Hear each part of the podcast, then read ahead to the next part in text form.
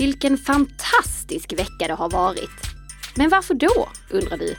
Det får du veta i veckans avsnitt av Bli säker-podden.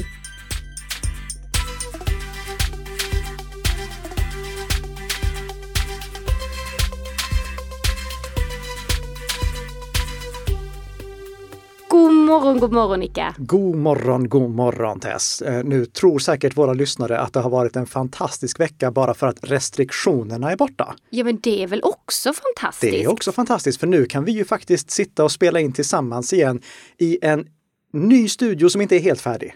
Ja precis, Men exakt. det är från den här studion som vi nu då framöver kommer att spela in Bli säker-podden som produceras i samarbete mellan Nika Systems och Bredband2 och gör dig lite säkrare för varje vecka som går. Även om den här veckan har liksom löst problem i sig bara. Ja men jag tror våra lyssnare är otroligt nyfikna på vad vi ska prata om. Ja. Men innan vi kliver in på det, jo men då är det ju dags för veckans snabbisar. Och då börjar jag med att vara lite grinig. Men ni kan ta det lugnt, för det här är det enda negativa i hela avsnittet. Ja, faktiskt. Ja. För både Firefox och Chrome har ju numera en funktion som kallas endast HTTPS. Och den gör att om en användare försöker gå till en webbplats som inte stödjer HTTPS, alltså inte stödjer säkra anslutningar, inte har ett hänglås i adressfältet, då indikeras det inte bara med en liten röd detalj i adressfältet, utan det blir en stor varning som säger det går inte att upprätta en säker anslutning. Ja, den funktionen vill jag ju egentligen att alla ska ha påslagen eftersom det idag inte finns något skäl vid något tillfälle för en webbplats att inte stödja säkra anslutningar. Tidigare så var det ju en, en ren ekonomisk fråga för då kostade ju certifikaten någonting. Certifikaten som krävdes för att en webbplats skulle kunna stödja säkra anslutningar. Men det gör de inte längre. Det, det går att få certifikat som är lika säkra som betalcertifikat utan att betala en enda krona. Så alla webbplatser ska stödja säkra anslutningar. I princip alla webbplatser som vi går till gör det också. Och därför skulle det vara så roligt ifall vi kunde få alla att slå på den här funktionen. Men det går inte riktigt än. nähä. För det finns en sak som många organisationer fortfarande gör fel på. Och det är att de missar att ha giltiga certifikat så att webbplatsen stödjer säkra anslutningar på sina redirect-servrar. Alltså om eh, en webbplats ligger på till exempel www.bredband2.com Ja, och en användare går till bara bredband2.com, då ska ju användaren skickas till www.bredband2.com. ja precis. Och där är det många organisationer som missar att ha ett giltigt certifikat på den här redirect-sajten. Mhm. Så att eh, det dyker upp en varning ifall användaren inte skriver in exakt den adressen. Ja. Eh, Ett eh, exempel som fick mig att skriva en artikel om det här i veckan, det var att jag skulle gå till Ikeas webbplats. Jaha. Så jag gick till ikea.se. Och vad hände då? Jo, då får jag den här varningen. Den här sajten stödjer inte säkra anslutningar. Men vad lustigt. Ja, för Ikeas riktiga webbplats, den, den huvudsakliga webbplatsen, den stödjer ju det. Eh, Men det är ikea.com.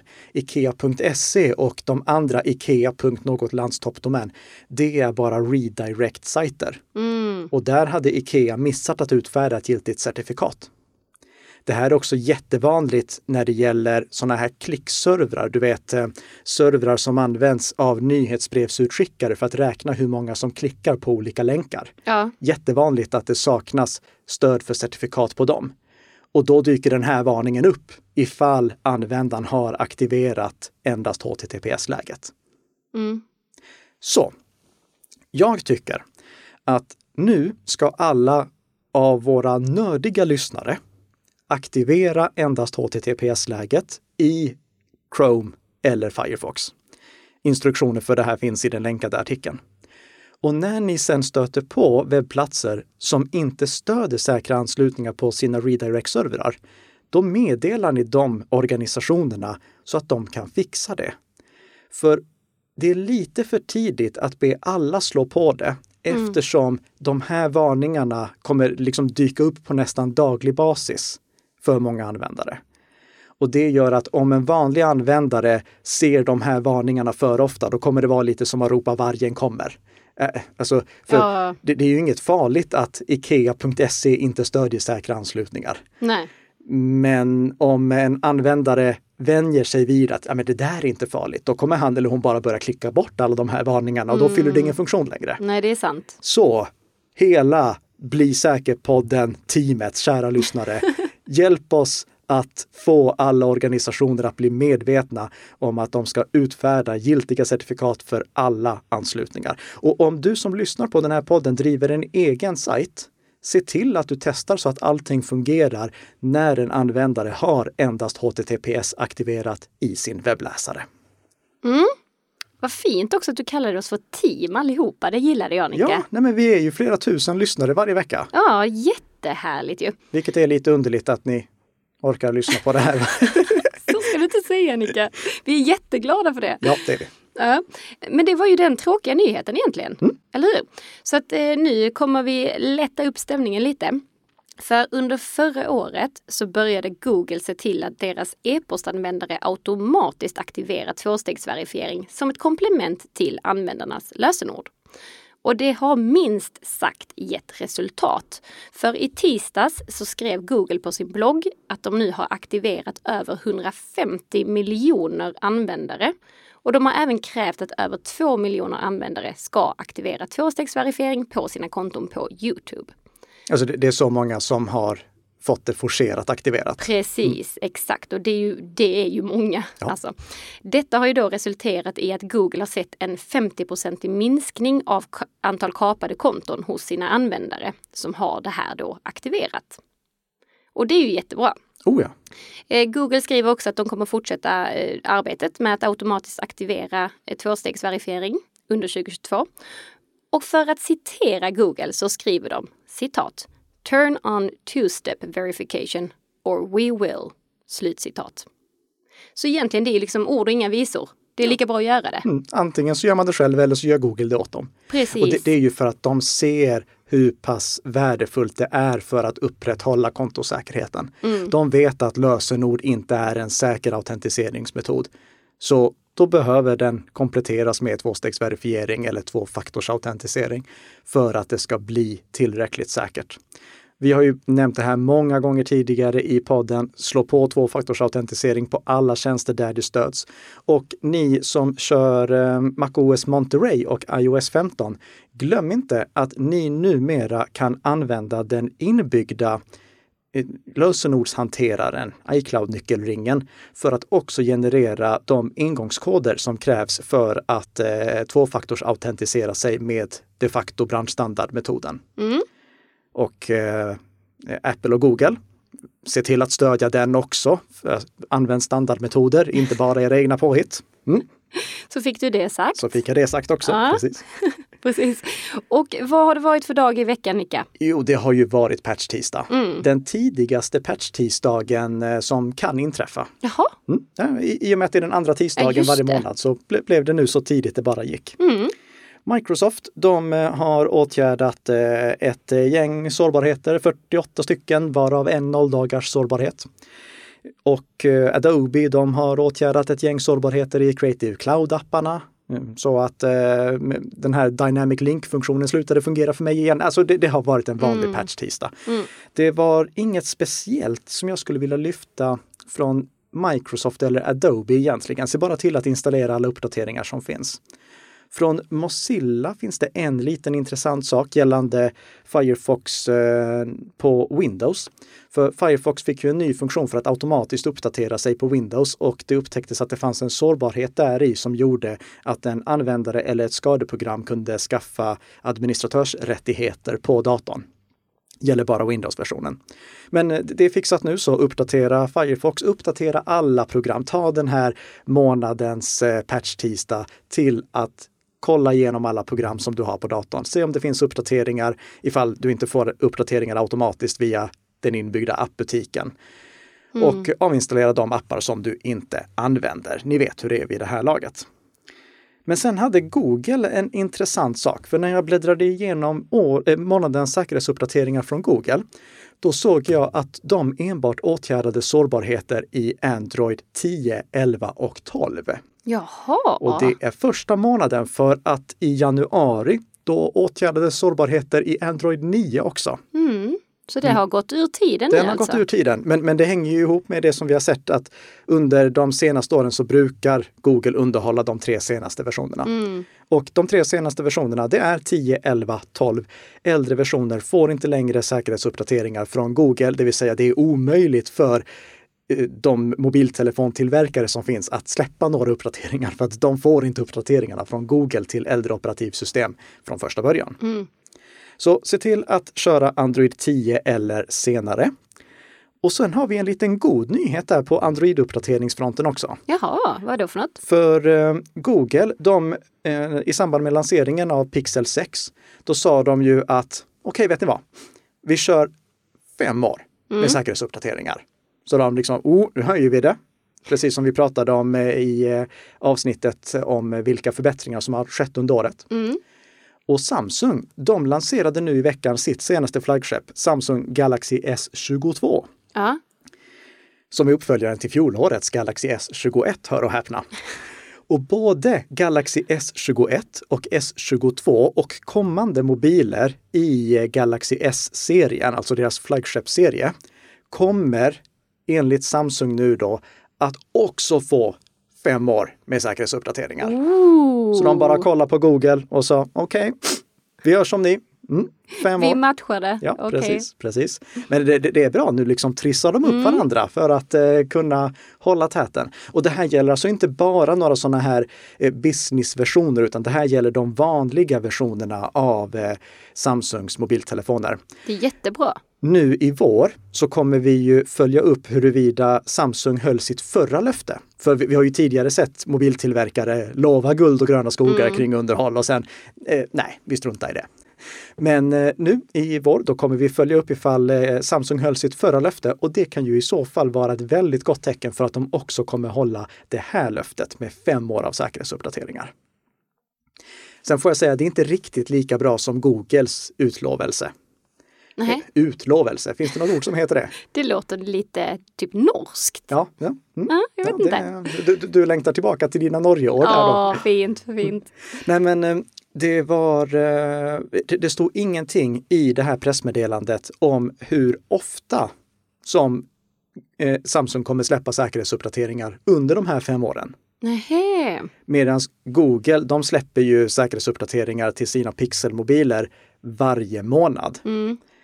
Samsung, de eh, har eh, historiskt haft ett eh, system där de senaste mobilerna får säkerhetsuppdateringar varje månad. Sen går det ner till kvartalsbasis och sen går det ner till lite då och då basis. Mm. Jag skulle ju säga att ribban som de måste leva upp till för att det ska vara en riktig konkurrent till Google när det kommer till underhåll, det är att de åtminstone lanserar eller erbjuder kvartalsvis säkerhetsuppdateringar Ja. under de här fem åren. Men då behöver du, alltså, eller du menar då Nicka att det behöver inte vara lika bra som Google som kör på månadsbasis? Baserat på de risker vi ser idag, nej. Och anledningen till att jag säger att det måste vara kvartalsbasis, det är att det var den ribban som Google ursprungligen la när de lanserade sitt eh, Google Enterprise Recommended-program. Mhm. Då var det att det skulle vara åtminstone kvartalsvisa uppdateringar. Okej. Så jag tycker det, det är en rimlig ribba att ha. Mm, mm. Men jättekul att se den här trenden där mobiltillverkare börjar ta eller jag vet inte om man kan säga mobiltillverkare överlag, men de stora, de duktiga mobiltillverkarna, att de faktiskt höjer ribban istället för att göra som OnePlus, att inse att vi kan inte hålla det vi lovar, så vi sänker ribban istället. Ska vi dela ut en liten guldstjärna idag då alltså? Men, eh, nej. En väldigt liten, Du, väldigt nej, liten. nej, men du, de, de Ja. kan få en guldstjärna när vi följer upp i vår om de höll det de lovade. Så gör vi. Det Precis, blir bra. Det blir bra. Okej, nu tror jag att våra lyssnare är väldigt taggade på att höra mer om varför det här har varit en sån fantastisk vecka, förutom de här små eh, positiva nyheterna vi precis har eh, gått igenom. Ja. Och det är för att under den här veckan så har vi fått tre stycken nyheter där världen liksom bara har bestämt sig för att det här är ett problem som vi kan lösa ganska lätt. Ett eh, säkerhetsproblem som är helt onödigt att finns. Så vi fixar det. Mm. Och det är nyheter från Finansiell ID-teknik, de som eh, tillhandahåller BankID. Det är ett nytt eh, lagförslag och det är en eh, förändring från Microsoft. Och alla de här tre sakerna är egentligen så självklara, men det kom först nu åtgärder för dem. Men bättre nu än aldrig. Ja, ska vi börja med BankID då? Det kan vi göra. För vi vet ju att missbruk av BankID är ett stort problem. Det är, folk blir lurade att till exempel identifiera sig åt en bedragare. Bedragaren ringer, utger sig för att vara banken och säger att eh, hej, vi kontaktar dig, men det här är ett väldigt känsligt ärende så vi måste säkerställa att vi pratar med rätt person. Mm. Kan du eh, identifiera dig i mobilt bank-id-appen så Mm. vi vet att vi pratar med rätt person? Det, det, det är alltid bedrägeri om, det, om ni, ni hör ett sådant samtal. Och det, där har eh, finansiell ID-teknik då tänkt till, okej, hur kan vi eh, minska risken för det här? Mm.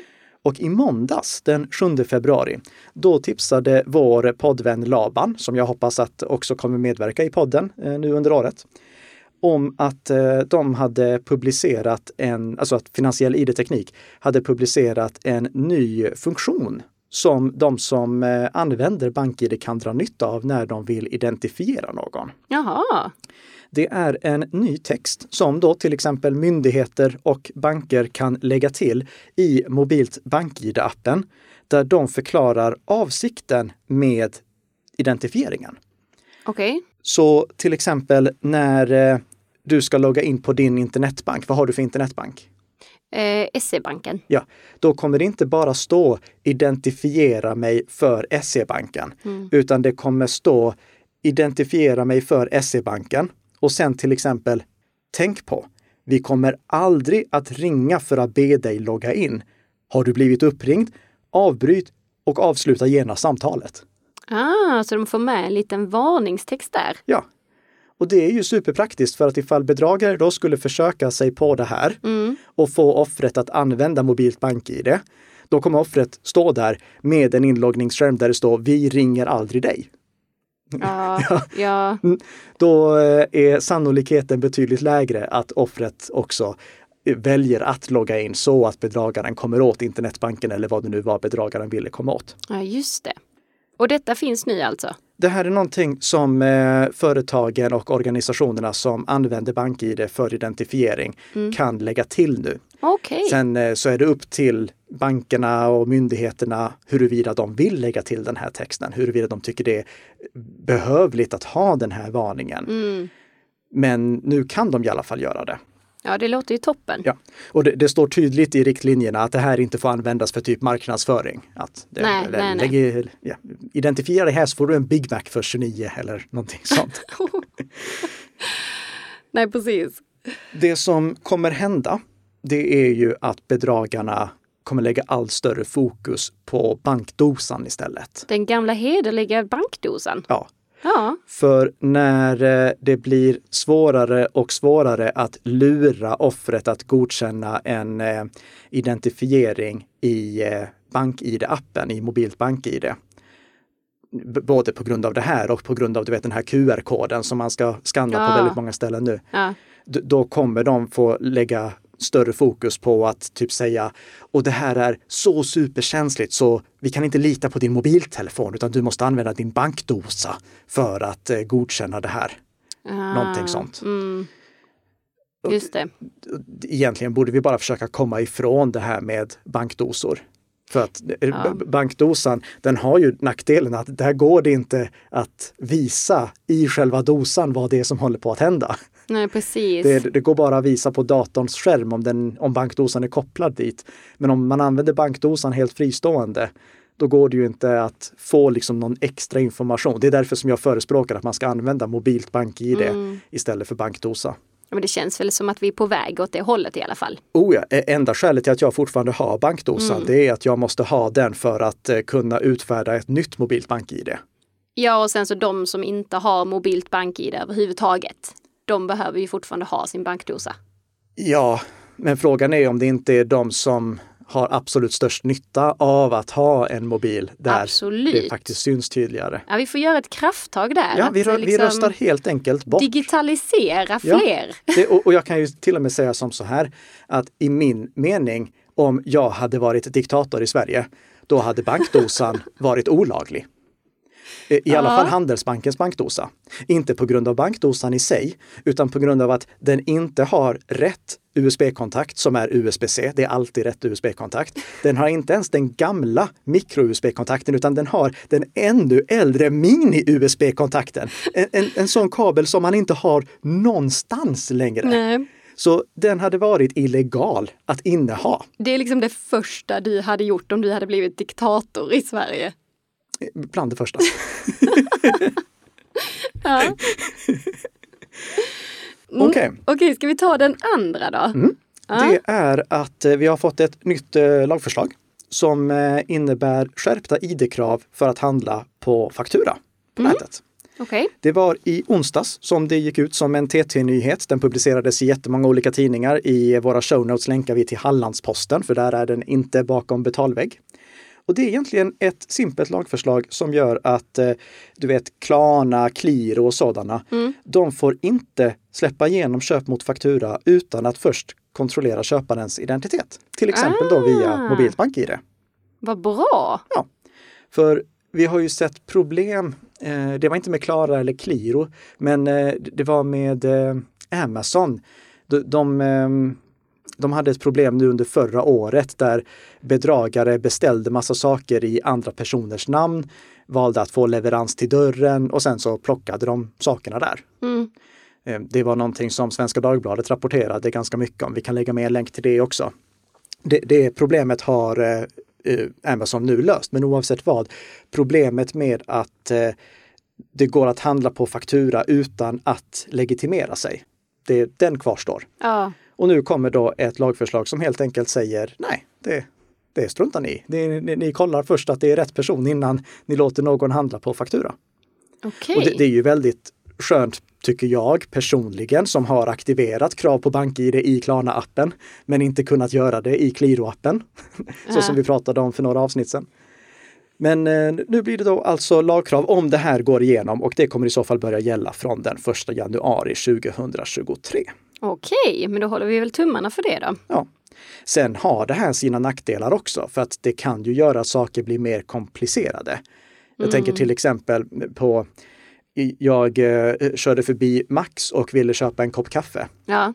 Och då hade de en sån här kampanj där jag kunde få en kopp kaffe för 9 kronor om jag betalade via appen.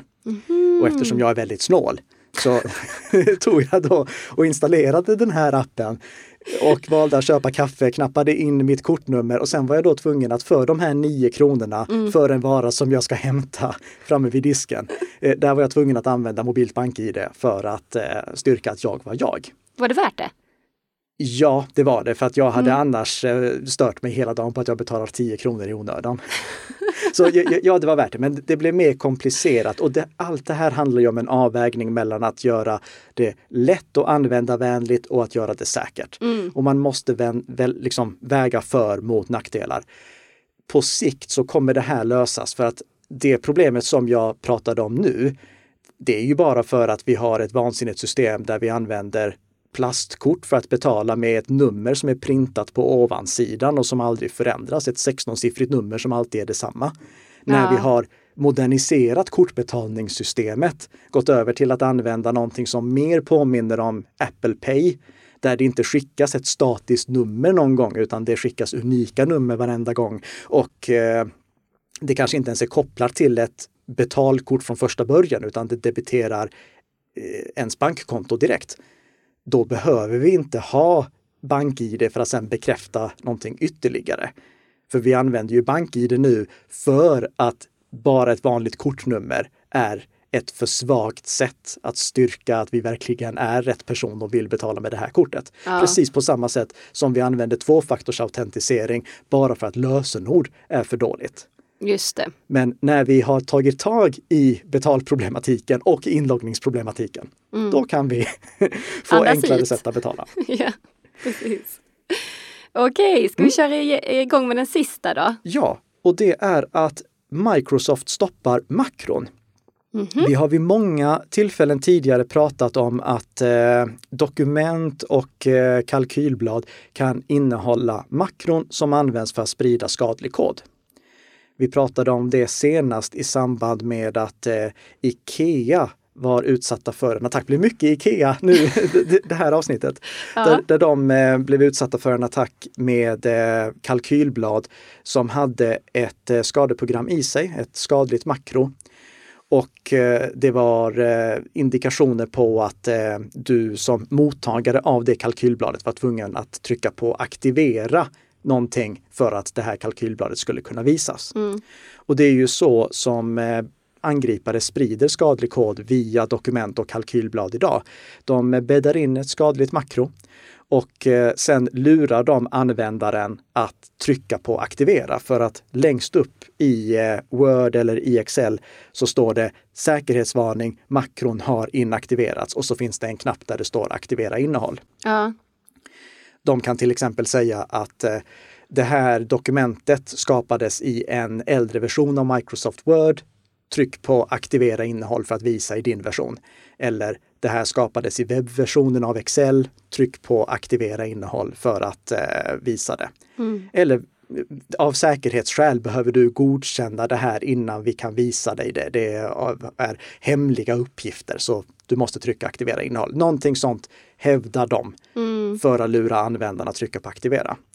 Men det är ju väldigt, väldigt få som använder makron överhuvudtaget. Ja. Hur, hur, ofta använder du makron? Aldrig. Nej. Och senaste gången jag gjorde det, då jobbade jag på eh, mitt, min förra arbetsplats och det är över mm. fem år sedan som jag, det var inte helt sant, jag kom på att jag gjorde det en gång senare också. Ja, Okej, okay, men en gång sedan jag grundade Nika Systems har jag haft användning av makron i Excel. Ja. Så det är väldigt, väldigt sällan någon använder det. Det finns de som gör det, men det är väldigt få. Mm. Och det är därför som vi i en tidigare podd och i en skriftlig artikel som jag också länkar till poängterade, låt bli att någonsin aktivera makron.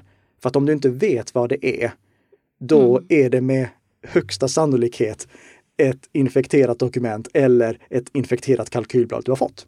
Så, men om du eh, skulle skicka det till mig och du säger jag kommer skicka det här till dig, mm. då, är det ju, då är det ju lugnt. Ja, Frågan är då, som, frågan som du får ställa mig, det är varför ja. i hela friden har du makron i det här kalkylbladet du skickar till mig? Sant. Ja. ja. Men i, i alla fall, det, det, finns legitima skäl att mm. använda makron. Mm. De är bara väldigt, väldigt få och det är väldigt få som använder det. Det är därför som vi rekommenderar att stänga av det helt. För då är inte risken att du liksom bara snabbt råkar glömma bort riskerna med makron och trycker på aktivera. Ja. Men sen har Microsoft också tänkt till. Och de eh, började fundera, hmm, hur skulle det vara ifall vi bara tog bort den där knappen? Ja. Och jag tänker, ja vilken bra idé! det är det vi har sagt hela tiden. Ta bort den! Ja. Och det de har gjort nu, det är att eh, egentligen, de har publicerat en artikel där de meddelar att eh, i början av april, eller från och med april, då kommer de börja rulla ut nya versioner av Office-programmen. Mm. Där det inte finns en knapp för att trycka aktivera makron eller aktivera innehåll ifall dokumentet eller kalkylbladet eller presentationen kommer från internet, alltså om användaren har laddat ner det. Aha. Då finns inte den knappen där. Och det gör ju att om jag använder makron på daglig basis, mm. då finns knappen där för mina egna dokument och mina egna kalkylblad och mina egna presentationer. Ja. Men om en angripare lurar mig att ladda ner det, då finns det bara en röd markering där det står det här har inaktiverats av säkerhetsskäl utan någon knapp som gör att jag kan gå förbi det och råka infektera min dator. Men då, då undrar jag, mm. om du och jag använder det ja. och du skickar då mm. ett, eh, ett dokument till mig med makron egentligen. Ja. Hur, hur kan jag använda det då? Då måste du ta en liten omväg. Ah. Eh, du måste gå in i menyerna och välja att du ska faktiskt tillåta det här. Okej, okay, så, så, det går, det kommer funka men det, inte går, på samma sätt? Det går att kringgå, du, uh. du kan också välja att högerklicka i utforskaren och välja att aktivera det där. Så det, det går att kringgå, mm. men det är gjort så att det inte bara är en knapp. Det är inte bara ett knapptryck som står mellan att datorn blir infekterad och att datorn håller sig Nej. skyddad. Men det är ju väldigt, väldigt bra. Absolut. Men min rekommendation om att gå in i menyerna och välja att aldrig tillåta makron, den kvarstår ändå. Såklart. Sen kan man också signera makron och jag misstänker att om, makron är, om makrot är signerat av din arbetsgivare, mm. då kommer det troligtvis köras automatiskt ändå. Okay. Det här är också någonting som Microsoft kommer att rulla ut till äldre versioner av eh, Office-paketet. Så det kommer till Office 2019, 2016 och 2013 också. 2013 är ju den äldsta versionen av Office för Windows som fortfarande underhålls. 2010 och tidigare får man inte köra längre, vilket vi pratade om i poddavsnittet Situation Office. Men där har vi då alltså tre tillfällen i veckan då jag bara har känt att ja, det var bra. Nu, Vilken fantastisk vecka! Ja, nu, nu löste ni det här. Ja, kul att ni gör det nu. Och, och jag förstår alltså, det, det, har säkert suttit oroliga människor mm. och tänkt, ska vi verkligen göra det här? För att, jag menar, Tess och Nicka, de har ju sagt att de ska göra tusen avsnitt av Bli säker-podden. Om vi säkrar upp så här mycket, kommer det då finnas problem kvar för att göra ytterligare 845 avsnitt? Och jag får säga till alla er som oroar er för det att det är inga problem. Skulle det vara så att världen har blivit så pass IT-säker att det inte behövs ytterligare 845 avsnitt av Bli säker-podden, då kan vi lägga ner den i förväg. Eller mm. så kan vi sitta och dra roliga vitsar de sista avsnitten. Men det kan vi faktiskt göra. Ja. Det låter bra. Så det är inga problem. Bara fortsätt att säkra upp världen så blir vi glada. Och så länge som Bli säker-podden behövs så tycker jag att du som lyssnare ska prenumerera. För då får du automatiskt redan nästa fredag ett nytt avsnitt av Bli säker-podden som gör dig lite säkrare för varje vecka som går. Tack så mycket för att du har lyssnat och trevlig helg! Trevlig helg!